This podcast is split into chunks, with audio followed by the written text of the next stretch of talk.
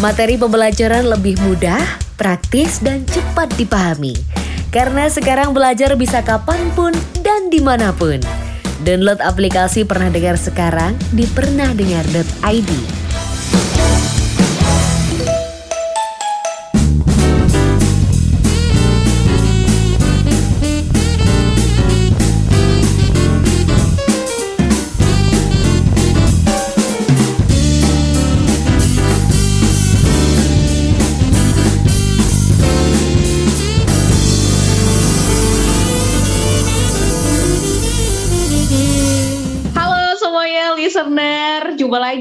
sama aku Wulan Indriani tentunya dan kali ini aku juga sudah bersama dengan ada Anastasia Ria. Halo Anastasia Ria, Halo, Karya. Kak Wulan dan Bingkai Karya. gimana kabarnya? Baik, eh, Alhamdulillah sehat-sehat.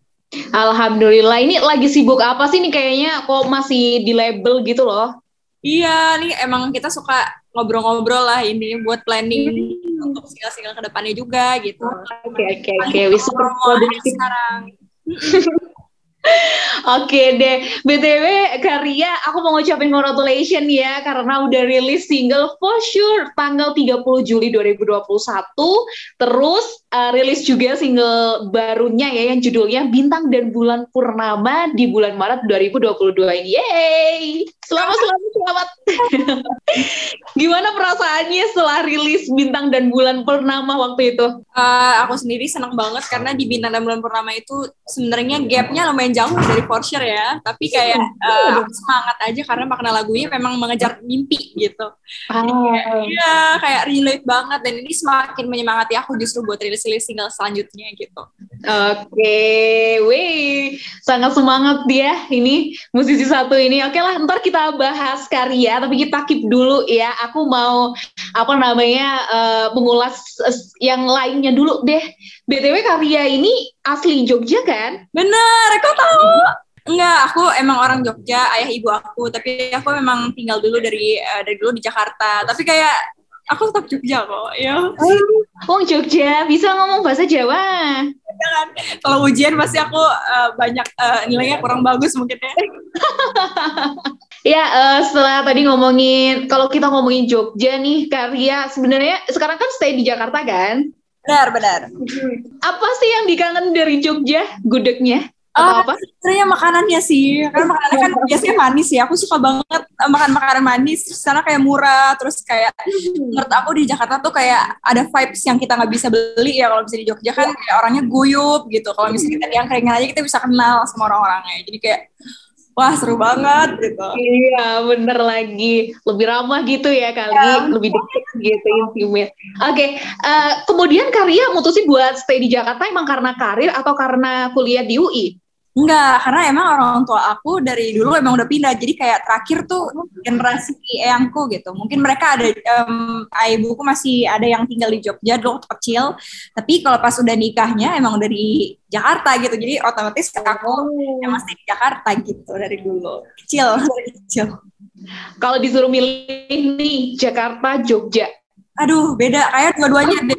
Jogja tuh kayak punya sesuatu yang kita tuh jadi bikin kangen gitu loh kalau misalnya kita Iya, iya, iya. gitu. Jadi kayak pasti ada rasa ingin balik ke kampung halaman. Kalau katanya orang Jogja itu tetap teristimewa. Benar, benar banget. Oke oke. BTW juga kuliah di UI ambil psikologi. Sebenarnya emang ini tuh uh, dari minat sendiri atau gimana sih? Soalnya kan kalau misalnya psikologi sama musik tuh kan uh, kayak agak jauh ya sis gitu loh. gimana gimana? Sebenarnya aku kayak dari uh, SMA emang aku kayak mungkin bawaan juga kali ya. Aku suka banget dengerin temen aku cerita gitu terus kayaknya kok mereka nyaman gitu. Kayak mereka uh, ngerasa uh, masalahnya tuh jadi lebih ringan gitu ya. Terus kayak aku pikir kan, ah, kayaknya aku tertarik nih buat tes minat bakat gitu, biar uh, bisa lebih jelas gitu. Kira-kira kuliahnya tertariknya ke mana sih? Nah terus ya udah habis aku uh, tes minat bakat berapa kali gitu sampai tiga kali, terus kayak rekomendasinya selalu psikologi. Terus kayak ya udah kenapa enggak? Karena itu uh, aku suka gitu. Dan kayak ternyata pas aku jalanin itu ilmunya lebih ke arah apa ya uh, penerapan ke kehidupan sehari-hari gitu. Jadi kita fun banget sebenarnya belajar oh relate juga ya sama uh, tentang masa lalu kita yang bisa mengakibatkan perilaku kita sekarang gitu. Mantap. Tapi di sela kesibukannya yang kuliah di psikologi terus apa sama main musik sama bermusik berkarya itu uh, effort banget gak sih? Kayak uh, kudu ekstra ngatur waktu banget gak sih karya kalau itu sih menurut aku ya uh, misalnya kuliah tuh kan bisa kewajiban ya. Tapi kalau misalnya yeah. musik itu karena emang aku suka dia kan ngalir aja otomatis. Jadi kayak oh, iya kayak ngerasa enak aja gitu kayak flow-nya udah dapet terus kayak aku akan ngelakuinnya otomatis dan otomatis nggak berat juga gitu hmm. Oke, okay. pokoknya emang sih kalau di jalan enjoy mah oke-oke aja sih meskipun sibuk ya. Benar, benar, benar. Oke, okay. Karya, kalau kita ngomongin soal musik ya, sebenarnya kalau perjalanan musiknya Karya itu kayak apa sih? Hmm, Oke, okay. dulu tuh aku sebenarnya uh, gimana aku ceritanya bisa mulai nulis lagu sendiri itu karena waktu di kuliah, aku sempat ikut band gitu. Nah, uh, enak ya, sempat, sempat rilis single juga, itu kebetulan aku jadi vokalis waktu itu. Pertama kalinya, karena waktu SMP dan juga SMA, aku tuh dulu kayak lebih ke arah main musik instrumen gitu lah ya.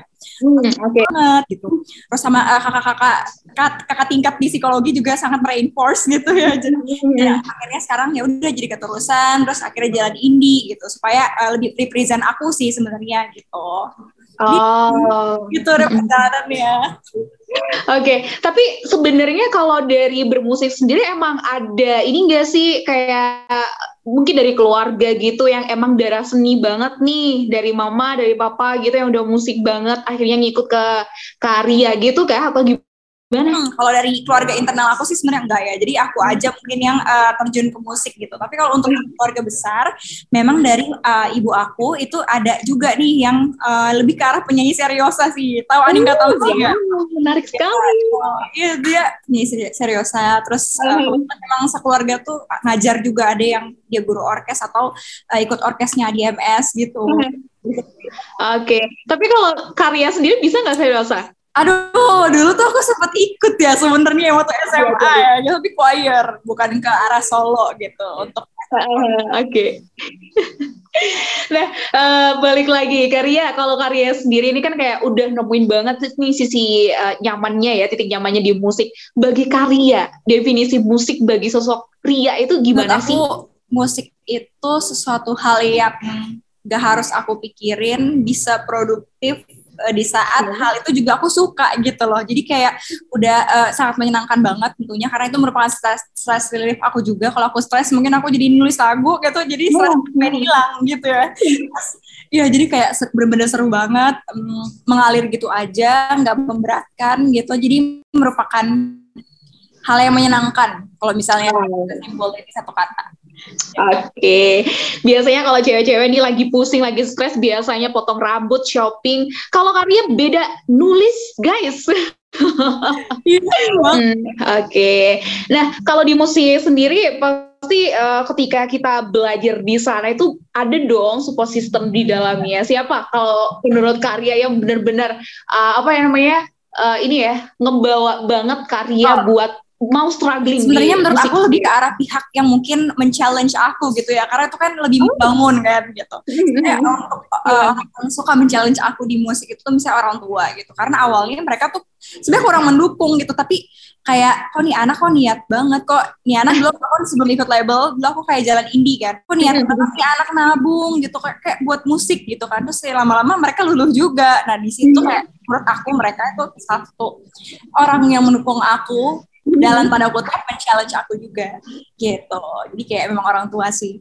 Oke jadi bener-bener nunjukin ya ini loh hasilnya nah, gitu. bener bener banget ATC deh akhirnya Oke oke oke menarik menarik. Karya uh, kalau aku uh, lihat nih ya Karya kan selain juga nyanyi juga nulis juga nulis, produce dan lain sebagainya. Intinya nggak cuma satu dua doang yang dilakuin di dunia musik. Nah uh, terus kalau misal pas uh, produksi lagu itu biasanya gimana sih prosesnya? Boleh dong bagi pengalamannya sama kita-kita? Uh, aku biasanya kalau nulis lagu tuh nggak pernah dijeda gitu ya. Jadi kalau misalnya ada kepikiran, hmm. pasti sehari itu tuh langsung aku bungkus gitu mulai dari uh, nulis liriknya bikin melodinya oh. fokus gitu sampai satu lagu gitu kan soalnya kalau dia tuh jadi kayak hilang gitu momennya gitu kayak iya, iya, iya. gitu nah ya udah terus kayak uh, aku kumpulin tuh jadi draft draft terus juga itu yang juga berperan tuh ada Dion Rico juga dan Nicholas Antonius juga dan tim aku juga itu uh, akhirnya kita discuss nih gimana sih uh, musik-musiknya ini gitu dari yang apa draft yang udah aku tulis gitu. Oke, okay. kalau menulis sendiri sejak kapan sih karya dari kapan nih? Dari lahir udah nulis. Gimana? Kalau aku sendiri sebenarnya main musik itu dari kelas 3 SD itu piano. Aku dulu hmm. basic piano klasik. Tapi kalau misalnya mulai nulis lagu itu sejak kuliah. Karena aku kayak baru tahu gitu kok uh, ternyata musik tuh nggak cuma yang ditulis di partitur ya. Ternyata kita bisa berkreasi ya gitu. Terus ya udah akhirnya ya udah deh uh, kuliah coba buat nulis. Eh ketagihan gitu ceritanya. Oh oke okay, oke okay, oke. Okay. dan kalau di musik sendiri dari karya sebenarnya lebih apa namanya seneng banget sama genre musik yang kayak apa sih karya aku sebenarnya lumayan uh, dibilang beragam ya mungkin juga ya hmm. karena kayak aku suka musik-musik akustik juga kayak MYMP itu dari kecil aku dengerin terus kayak aku suka genrenya yang uh, seadem Ubin Masjid kayak uh, Jeremy Passion itu aku juga dengerin juga. Terus aku juga dengerin uh, Isyana juga masuk. Uh, terus aku juga dengerin apa ya uh, BLP Barry Live juga aku denger. Terus untuk yang 80s juga aku denger juga. Juga Korea juga aku suka girl band juga aku suka. Jadi lumayan beragam juga sih kalau idolanya sendiri siapa nih? Di Indonesia sama di luar deh Oke, okay, kalau misalnya di Indo ya, aku suka eh, to be honest uh, ke Isyana sih gitu. Karena dia uh, secara ex, uh, experiencing musiknya dia juga seru tuh gitu. Dia bisa uh, musiknya juga gitu kan. Terus dia juga sempat dulu basicnya dari klasik juga kan, karena aku juga gitu gitu. Saya dari luar aku ngefans banget sama Lee Jin Ah, itu dari Korea. Dia uh, singing pianis juga gitu, tapi jago banget gitu. Dia kayak keren lah pokoknya dari composing tapi dia juga nyanyinya oke okay, gitu. Iya iya iya. Kayaknya banyak banget ya musisi itu yang suka banget sama Isyana Saraswati terus juga Karya. Ya, dia keren sih menurut aku. Sekarang jadi komedian mungkin sekarang ya. Iya bener. Apalagi kalau udah perform itu pasti ada aja kayak ke, apa ya lelucon yang dibikin gitu loh. Justru itu yeah, sih iya, sebenarnya yeah. yang bikin keinget terus sama penontonnya gitu Seru Oke, oke. Okay, Karya, kita sekarang ngomongin soal single-singlenya ya yang udah dirilis ya. ya Dan kalau yang tanggal 30 Juli 2021 itu kan sempat rilis single For Sure. Nah, hmm. sebenarnya di single, ini berarti single pertama gitu ya? Mm -mm. Yang For Sure itu emang pertama waktu aku indie gitu. Hmm, iya, iya. Ini apa sih yang sebenarnya uh, pengen Karya sampaikan lewat lagu ini? Oke, okay, kalau for share sendiri sebenarnya uh, gini, tadi aku plan punya plan jadi satu EP buat satu EP yang uh, isinya tuh tentang optimism kayak gitu. Hmm. Jadi point of kita tuh mau gimana pun hidup harus tetap optimis lah untuk bisa melalui semua ini kayak gitu kan. Terus ya udah for share pertama kali keluar tujuannya tuh kayak aku pengen kasih harapan gitu loh kayak uh, once lo bakal ada kok partner of life yang di mana dia tuh bisa jadi support system lo di kala lo mengalami misalnya kesulitan gitu terus kayak uh, udah nggak apa-apa was pasti bakal ada aja di saat lo ter, uh, lo ngerasa paling lemah gitu dia tuh ada gitu nah kira-kira Fortune kayak gitu sih gambarannya Oke, okay, lebih kayak ngasih support buat teman-teman gitu ya? Iya, kayak, iya, kayak seberapa berharganya sih uh, partner of life perannya dalam hidup kita gitu. Oke, kalau inspirasi nulis for sure sendiri dapatnya dari mana? Ini pengalaman pribadi atau emang dari dengar curhatan teman-teman nih? Uh, dua-duanya sih gitu. Kayak sudah juga sih aku kaulan kayak lebih ke arah uh, kok banyak kayak sekarang mungkin couple yang uh, jadinya tuh gak happy ending gitu. Mereka jadi merasa kepikiran kayak gitu kan. Padahal kan harusnya purpose dari couple tuh jadi partner of life kita yang selalu support dan selalu ada di saat kita uh, down gitu kan. Ya jadi ya udah deh dari cerita itu ya aku bikin aja optimisme gitu once lo dengerin for share pasti bakal ada kok segimana perlu menderita sekarang pasti nanti bakal ada partner of life yang bakal uh, menemani lo seumur hidup gimana pun keadaannya gitu. Iya, karena biasanya orang kalau yang sekalinya udah patah hati yang udah di banget itu dia buat bangkit itu susah banget gitu loh sis, iya gak sih? banget kayak iya gitulah temen-temen aku lumayan menginspirasi dari kisahnya gitu. Oke, mantap. Dan kalau untuk proses pembuatannya sendiri, karya for sure ini gimana ceritanya? Mungkin ada beberapa hal yang uh, sampai sekarang itu keinget banget gitu hmm. ke karya. Kalau saya sendiri, aku lebih ke arah nulis ya, karena itu kan single pertama aku juga kayak nulis, okay. Dapat inspirasinya gitu, pembuatannya hmm. paling ya udah terus aku itu btw ini fact juga ya, kayak aku kerja itu cuma sehari untuk oh. nulis, oh. komposnya juga gitu Pokoknya satu hmm. hari itu jadi karena aku nggak suka banget lagu bisa dilanjut besok gitu inspirasinya udah hilang pasti gitu kan ya udah sehari itu aku kelarin nah terus uh, kebetulan waktu itu aku lagi bingung banget karena pertama kali jalan indie aku uh, bingung cari produser terus tiba-tiba dikenalin nih sama teman aku uh, dari PH gitu lah. Terus ada namanya uh, Dion Joko Adi gitu. Dan dia kebetulan bantu aku juga nih untuk kasih pandangan lah di musik aku. Dan akhirnya rilis deh for share gitu. Yeay. Terus di MV-nya sendiri aku juga sempat lihat ya di situ tuh kayak karya itu sama uh, cowok kan terus kayak apa namanya uh, nyalain lilin gitu kan? Iya ya, nggak sih? Iya iya iya. Ya. Itu sebenarnya ceritanya itu apa sih kak di jalan cerita MV-nya itu ketika nyalain pelita itu maksudnya gimana? Itu sebenarnya kayak hope gitu sih kayak uh, sebenarnya liriknya kan gini you'll be the flame in my candle and the shield in the battle. Jadi kayak uh, dia tuh bisa menjadi penyemangat lah. Kan skandal tuh kan simbol dari energi kan. Jadi kayak uh, dia menumbuhkan semangat kita untuk uh, drive untuk melakukan sesuatu gitu. Jadi kayak berusaha tuh dia inspirasinya gitu dari lilin. Hmm, oke oke oke. Wait ini yang bikin storyboardnya juga karya? Iya iya iya. Oh, itu idenya dari mana itu? Dari lagunya aja sebenarnya kayak uh, gini kayak kalau buat single MV itu kayak interpretasi dari isi lagunya gitu. Menurut aku tuh goalsnya arah sana, jadi bukan hanya sekedar lip sync gitu ya. Jadi harus kayak buat orang tuh ngerti, oh interpretasi lagu ini tuh kalau dilihat visualnya tuh gini loh. Gitu. Yeah. Iya. Oh, ya ya ya menarik menarik. Tapi Karya dengan ngerjain banyak hal ya, balik lagi uh, yang nyanyi Karya nih, yang bikin MV-nya ini uh, yang konsep maksud aku Karya, bahkan yang nulis juga Karya. Terus di single selanjutnya di bulan Maret 2022 ya, ini uh, sempat rilis juga ada Bintang dan Bulan Purnama. Nah, di single yang ini yang baru nih, sebenarnya apa sih yang pengen di-highlight dari Anastasia Ria ini?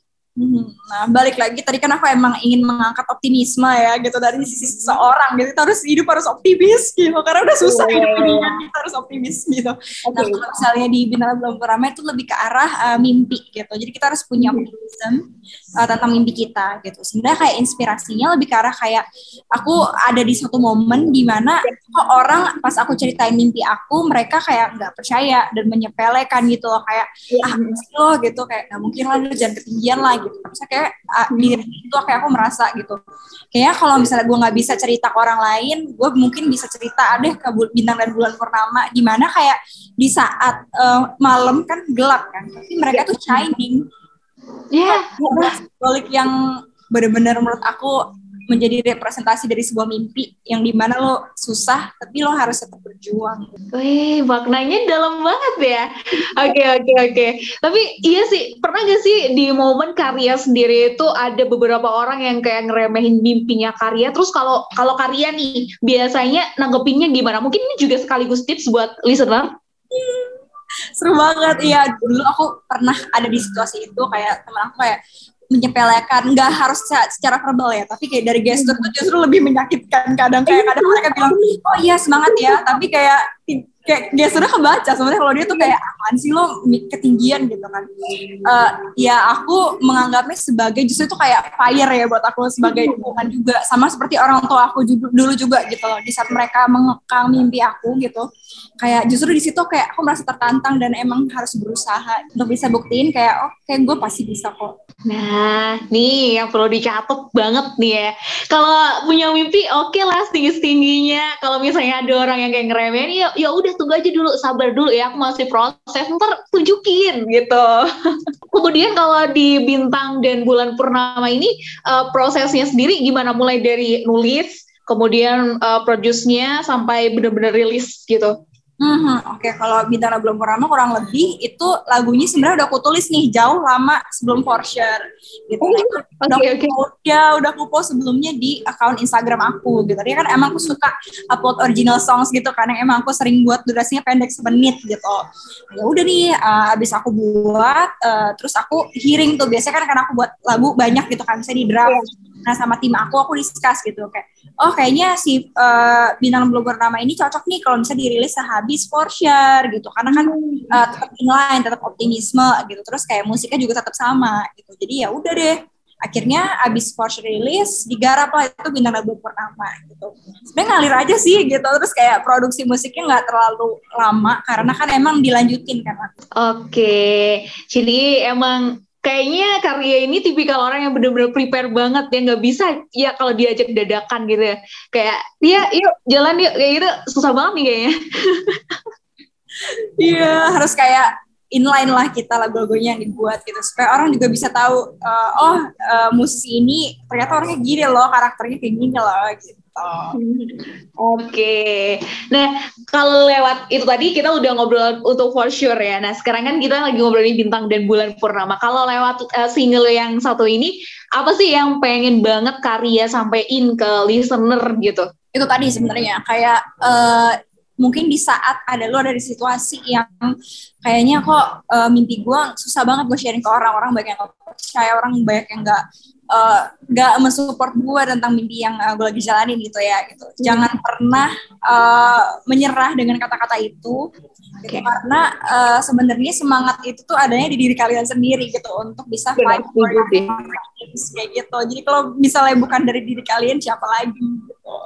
Kayak ibaratnya Tuhan aja udah menganugerahkan bintang dan bulan gitu untuk shining di tengah gelapnya dan keramnya kehidupan ini gitu. Jadi kayak jadi karena itu sebagai sebuah inspirasi bagi kalian yang harus terus berusaha. Wes, oke oke oke. Kalau sebagai musisi sendiri karya otomatis kan juga banyak hal yang harus dipelajari ya dan uh, pasti karya juga akan terus belajar nggak cukup sampai sini. Nah kalau dari karya sendiri ada nggak sih prinsip yang benar-benar dipegang atau mungkin ada advice dari orang-orang tersayang di luar sana yang bikin sampai sekarang ini bisa struggling dan sampai di titik ini loh larinya? Apa oh, Apa ya? Sebenarnya agak susah, Pak. Soalnya banyak gitu kayak uh, karena emang kayak aku suka aja aku kayak nggak tahu deh kalau misalnya melakukan hal lain tuh mungkin aku bisa bosen ya gitu kalau misalnya di musik tuh aku kayak nggak bisa gitu kayak hmm. aku waktu luang pasti larinya juga ke musik terus jadi kayak pasti aku akan selalu melakukan itu gitu. Jadi emang motivasinya pertama tuh harus kuat dari diri sendiri sih menurut aku. Nah tapi ditambah juga dengan support orang-orang dan juga uh, tadi kondisi misalnya orang tua aku yang justru dia men-challenge gitu. Aku sih nangkapnya men-challenge ya, bukan yeah.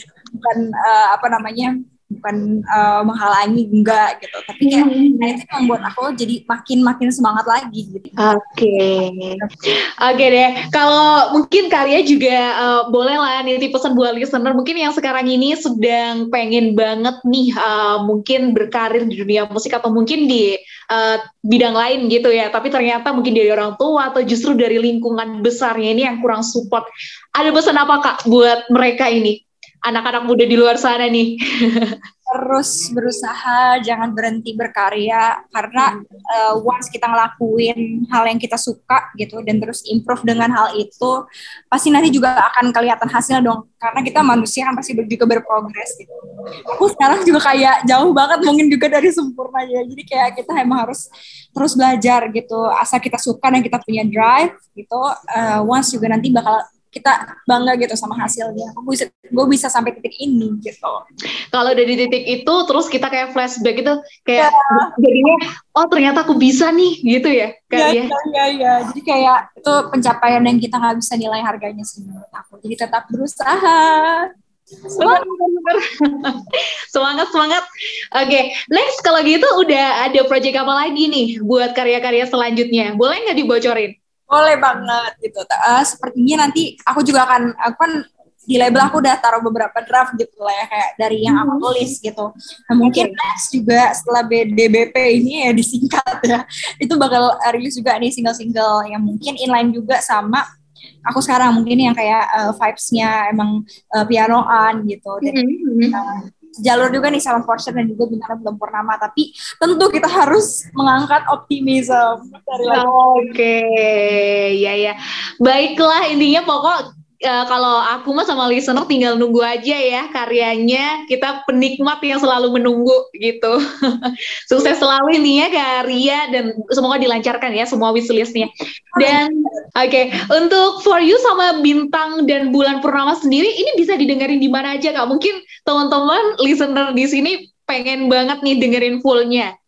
Oke, okay, kalau misalnya fullnya udah ada di semua digital streaming platforms favorit kalian gitu di uh, Apple Music, Spotify, uh, di mana pun lah pokoknya ada. Terus kalau misalnya ya. lihat visual dan interpretasinya udah ada di YouTube channel. Kalau for sure di YouTube channel aku, kalau uh, mhm. eh, BDBP di uh, YouTube channelnya label aku semesta musik. Uh, Oke, okay. kalau MV MV-nya For Sure ini kan udah ada ya. Aku udah pernah lihat juga di YouTube. Kalau di uh, Bintang dan Bulan Purnama udah ada juga MV-nya. Ada Bintang dan Bulan oh, Purnama di YouTube channelnya uh, label aku Semesta Musik. Oh, oke, okay. sip-sip meluncur lah. Oke, okay. Karya, mungkin yang paling terakhir karena kita tadi ternyata udah ngobrol lumayan banyak ya. Mungkin nanti next bisa kita sambung lagi. Boleh nggak sih kalau misalnya di spill lagunya dikit aja di sini. Boleh, boleh banget. Yang mana nih? Yang bintang dan bulan purnama? Iya, oh. bintang dan bulan purnama. Oke, okay, mungkin aku nyanyi rapnya aja kali ya. Boleh, boleh. Green. Please welcome. Oke. Okay. Jika ku bisa bermimpi, anganku tak berhenti, meski malam telah hapus terangku, bintang dan bulan temani. Yeay! Buat selengkapnya, dengerin di platform lain. Oke deh Karya, BTW thank you banget ya atas waktunya malam hari ini. Uh, semoga nanti next juga semakin dilancarkan. Terakhir uh, ke Jogja kapan nih? Udah lumayan lama sebenarnya kayak waktu sebelum pandemi deh. Jadi kayak aku Desember, terus tiba-tiba Maretnya udah pandemi. Nah itu udah ke Jogja lagi. Nanti hopefully aku bakal main deh. Kayak iya. Yeah. banget kalau dari Jogja ke Malang kayaknya juga apa lebih deket sih ntar boleh lah main ke Malang juga ya. Pasti. Oke, okay, oke. Okay.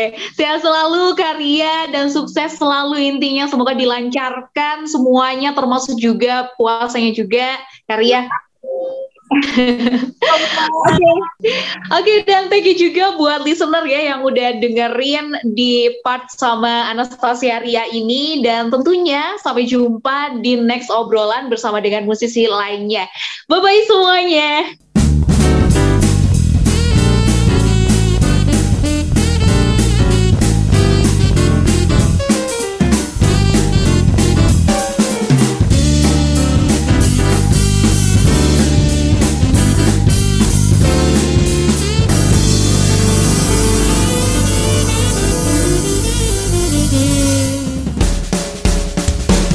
Materi pembelajaran lebih mudah, praktis, dan cepat dipahami.